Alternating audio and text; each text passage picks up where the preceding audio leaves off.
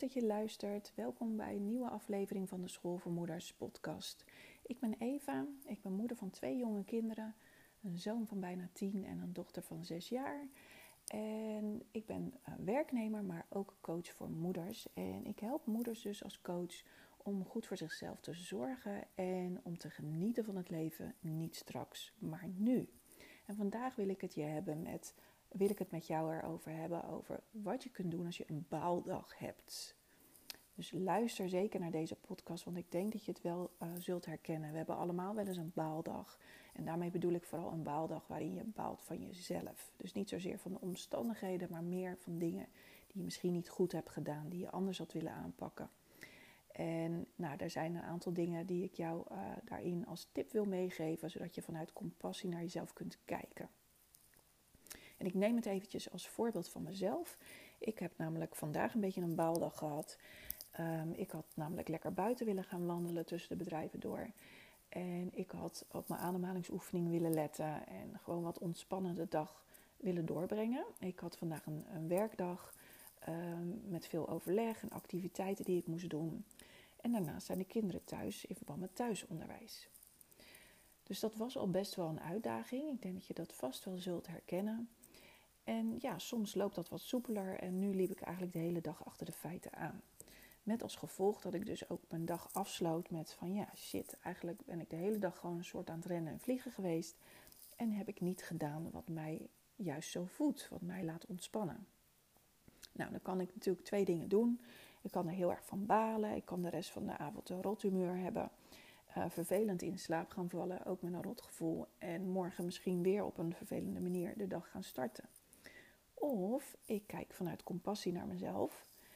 En ja, ik eh, laat het los en ik probeer gewoon uh, ja, te genieten van wat de rest van de dag nog gaat brengen. Nou, dat is, dat is wat ik gedaan heb en dat gaat me tegenwoordig vrij makkelijk af.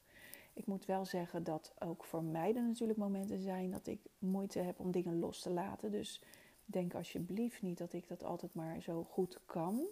Maar ik heb dat wel heel erg geleerd afgelopen jaren. Hoe ik gewoon toch wat makkelijker de dingen van mezelf af kan laten glijden.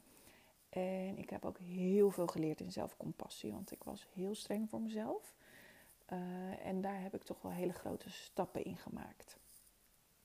Dus ik denk dat je het best wel zult herkennen. En dan is het natuurlijk mooi als je hier je voordeel mee kunt doen. En dat je ook wellicht wat aan deze tips hebt en makkelijker vanuit compassie naar jezelf kunt kijken. Nou, een voorbeeld van vandaag is dus um, dat ik niet heb gewandeld en mijn ademhalingsoefeningen niet heb gedaan, waardoor ik allemaal gewoon wat meer gespannen in mijn lijf zit en gewoon het gevoel heb niet goed genoeg voor mezelf te hebben gezorgd. Oké, nou de eerste stap die ik dan uh, kan nemen is de keus maken uh, naar vrijheid, ja of nee. En daarmee bedoel ik vrijheid van die schuldgevoelens of van die um, uh, spijtgevoelens of misschien zelfs troostgevoelens. Dus dat ik mezelf heel zielig ga vinden, dat het allemaal zo gelopen is en dat ik een zware dag heb gehad en dat soort dingen. Want dat zijn gevoelens die uh, houden mij gevangen. Die zorgen ervoor dat ik die avond ja, niet, mij niet vrij kan bewegen. Uh, want dan voel ik mij zwaarder. ik kan mezelf natuurlijk lichter laten voelen door die gevoelens uh, van schuld, spijt of uh, medelijden, door die los te laten. Als ik dat niet doe, ja, dan voel ik me gewoon zwaarder en dan is het gewoon moeilijker om mezelf te motiveren om alsnog goed voor mezelf te zorgen die dag. Misschien ga ik dan ook wat eerder zitten snoepen of um, ja, ga ik gewoon een beetje zitten mopperen op iedereen. Ja, daar heeft natuurlijk niemand wat aan. Dus op het moment dat ik in de gaten had dat ik eigenlijk maar één keus weg ben van vrijheid in dat soort situaties, door puur gewoon te kijken van joh, is er een probleem? Ja. Kan ik er wat aan doen? Oké, doe dat dan. Is er geen of is er een probleem? Kan ik er niets aan doen? Oké, nou, laat het dan. Dat is gewoon heel simpel gezegd de, de keus die ik op zo'n moment maak. En natuurlijk is dat in bepaalde situaties heel lastig. Ik heb het nu gewoon even een beetje over de huistuin- en keukenproblemen, zeg maar, waar je een baaldag van kan hebben. Kijk, en daar werkt het gewoon hartstikke goed voor. Dus dat is echt één belangrijke om jezelf te realiseren. Je bent eigenlijk maar één keus weg van die vrijheid. Van het gevoel van je weer licht voelen. En het is hier wel heel belangrijk uh, bij om eerlijk te zijn tegen jezelf. Want je kunt natuurlijk ook een beetje sjoemelen daarmee. Dus je kunt ook gewoon, als je eigenlijk bijvoorbeeld goed voor jezelf wil zorgen. En je had je voorgenomen om, um, weet ik veel, elke dag iets aan yoga te doen. Terwijl dat eigenlijk helemaal niet zo jouw ding is. Ja, dat je dan gaat sjoemelen. Dus dat je dan wat makkelijker tegen jezelf gaat zeggen. Joh, nou, weet je, ik moet lief voor mezelf zijn. Het is wel goed. Maar als je dat natuurlijk keer op keer doet, dan kun je je afvragen in hoeverre je nog je verlangen serieus hebt genomen. Of in hoeverre jij je verlangen goed hebt bekeken.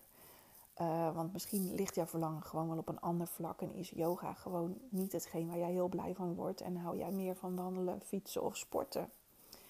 Dus um, hou wel even in de gaten dat je dit niet, um, dat je hierin niet gaat vals spelen. En doe je dat eens een keer, is het natuurlijk ook gewoon helemaal prima. Maar anders zou je daar natuurlijk jezelf eigenlijk mee tekort doen. Uh, je verdient het uh, om goed voor jezelf te zorgen. Maar dat betekent ook dat je eerlijk tegen jezelf moet zijn. En dat je mag kijken wat je nodig hebt, wat je verlangens zijn en wat je daarvoor in stappen kan zetten. En als je merkt dat dat nu gewoon niet lukt, terwijl dat verlangen er wel degelijk is, dan betekent het misschien dat je hulp nodig hebt. En dat kan zijn doordat je dan hulp nodig hebt van iemand die het samen met jou gaat doen, of een soort um, ja, buddy die jou um, ondersteunt om je ook aan de afspraken te houden. Of uh, misschien is het dat je dan, zodra het weer kan, naar de sportschool gaat, dat soort dingen. Um, ja, kijk ook gewoon even welke hulp je nodig hebt. Misschien ligt ook de behoefte meer dan eerst op een ander vlak. Dat zou natuurlijk ook heel goed kunnen. Oké, maar de eerste stap is dus, um, je bent één keus weg van vrijheid. Dus wat kies je? De tweede stap is om je te focussen op hoe je je wilt voelen. Gevaar is natuurlijk op het moment dat jij een baaldag hebt. Uh, misschien dat je ook een beetje tegen de kinderen bent uitgevallen. Of dat je het geduld niet had om je kind te helpen met, uh, helpen met het schoolwerk bijvoorbeeld. En dat je daarvan baalt. Um, dan is het natuurlijk ja, heel snel dat je in een bepaald schuldgevoel belandt. Of uh, spijt, dat soort dingen. En dat is natuurlijk heel logisch. Dat is denk ik ook gewoon heel normaal. En je hoeft die gevoelens ook niet te gaan negeren of zo. Maar het gevaar is dat we ze helemaal gaan analyseren. En dat is in de meeste gevallen ook niet zozeer nodig. Het uh, eerste wat we eigenlijk moeten doen is om het te voelen. Om het toe te staan, om het te zien en om het te erkennen eigenlijk. Uh, dus dat is wat anders dan het wegstoppen en je maar positief opstellen. Um, dus het gaat erom dat je dan wel kijkt van joh, wat, wat, wat voel ik nou eigenlijk? En waar voel ik dat in mijn lichaam? En kan ik daar nou eens met mijn aandacht even een tijdje bij blijven? Dan kan ik het eens toestaan dat ik me zo voel.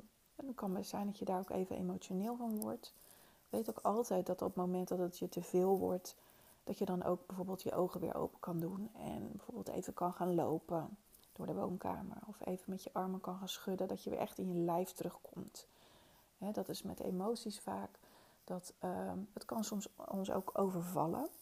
En het kan soms ons ook een beetje erin meeslepen. En het is belangrijk dat je natuurlijk zelf altijd aan het stuur blijft staan. Emoties, prima. Uh, goed of slechte emoties, die zijn er eigenlijk niet. Er zijn gewoon emoties. En sommige zijn wel wat comfortabeler dan andere natuurlijk. Maar ze mogen er allemaal zijn. Ze hebben je allemaal iets te vertellen. Ze hebben allemaal een boodschap voor jou.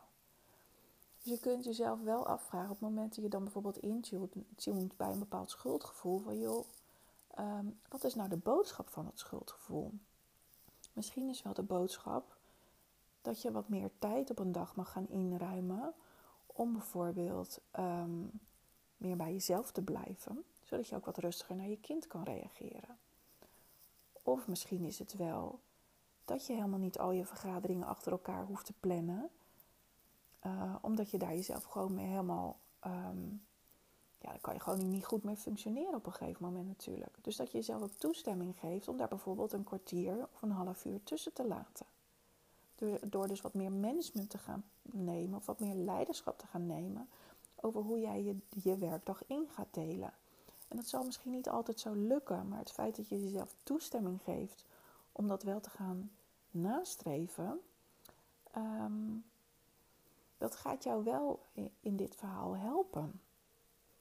Dus meestal heeft een bepaald gevoel ook een boodschap. leidt het je naar een bepaald verlangen wat je hebt. En op het moment dat je dat verlangen kent, dan kan je daar ook weer wat mee doen.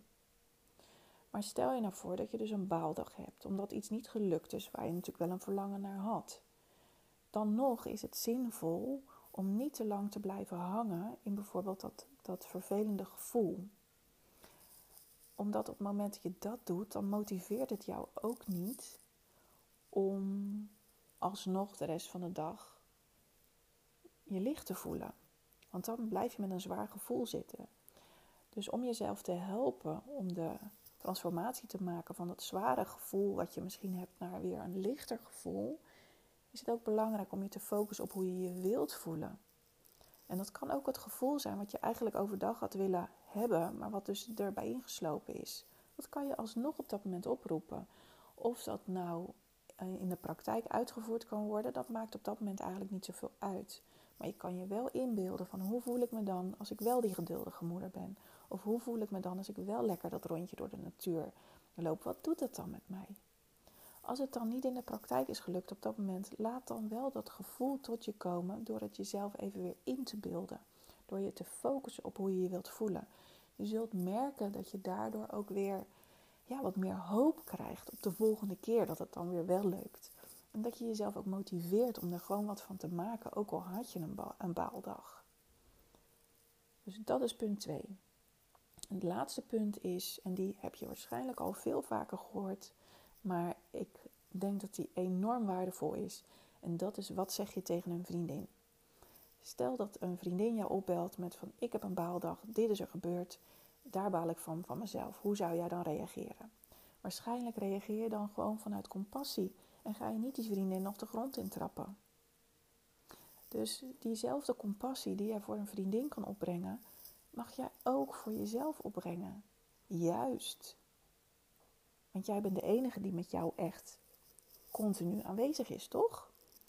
De andere mensen die zijn misschien wel vaak bij jou, maar die zijn niet heel de tijd bij jou. Jij bent de enige met wie je de hele dag te maken hebt. Dus wees dan alsjeblieft ook een beetje lief voor jezelf.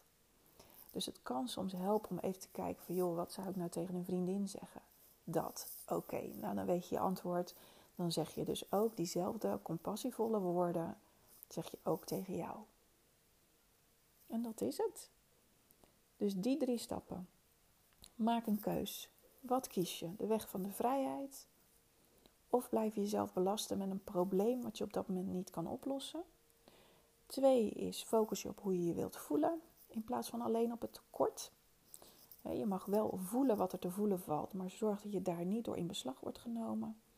En drie is, wat zou je tegen een vriendin zeggen? En dat mag je ook tegen jezelf zeggen.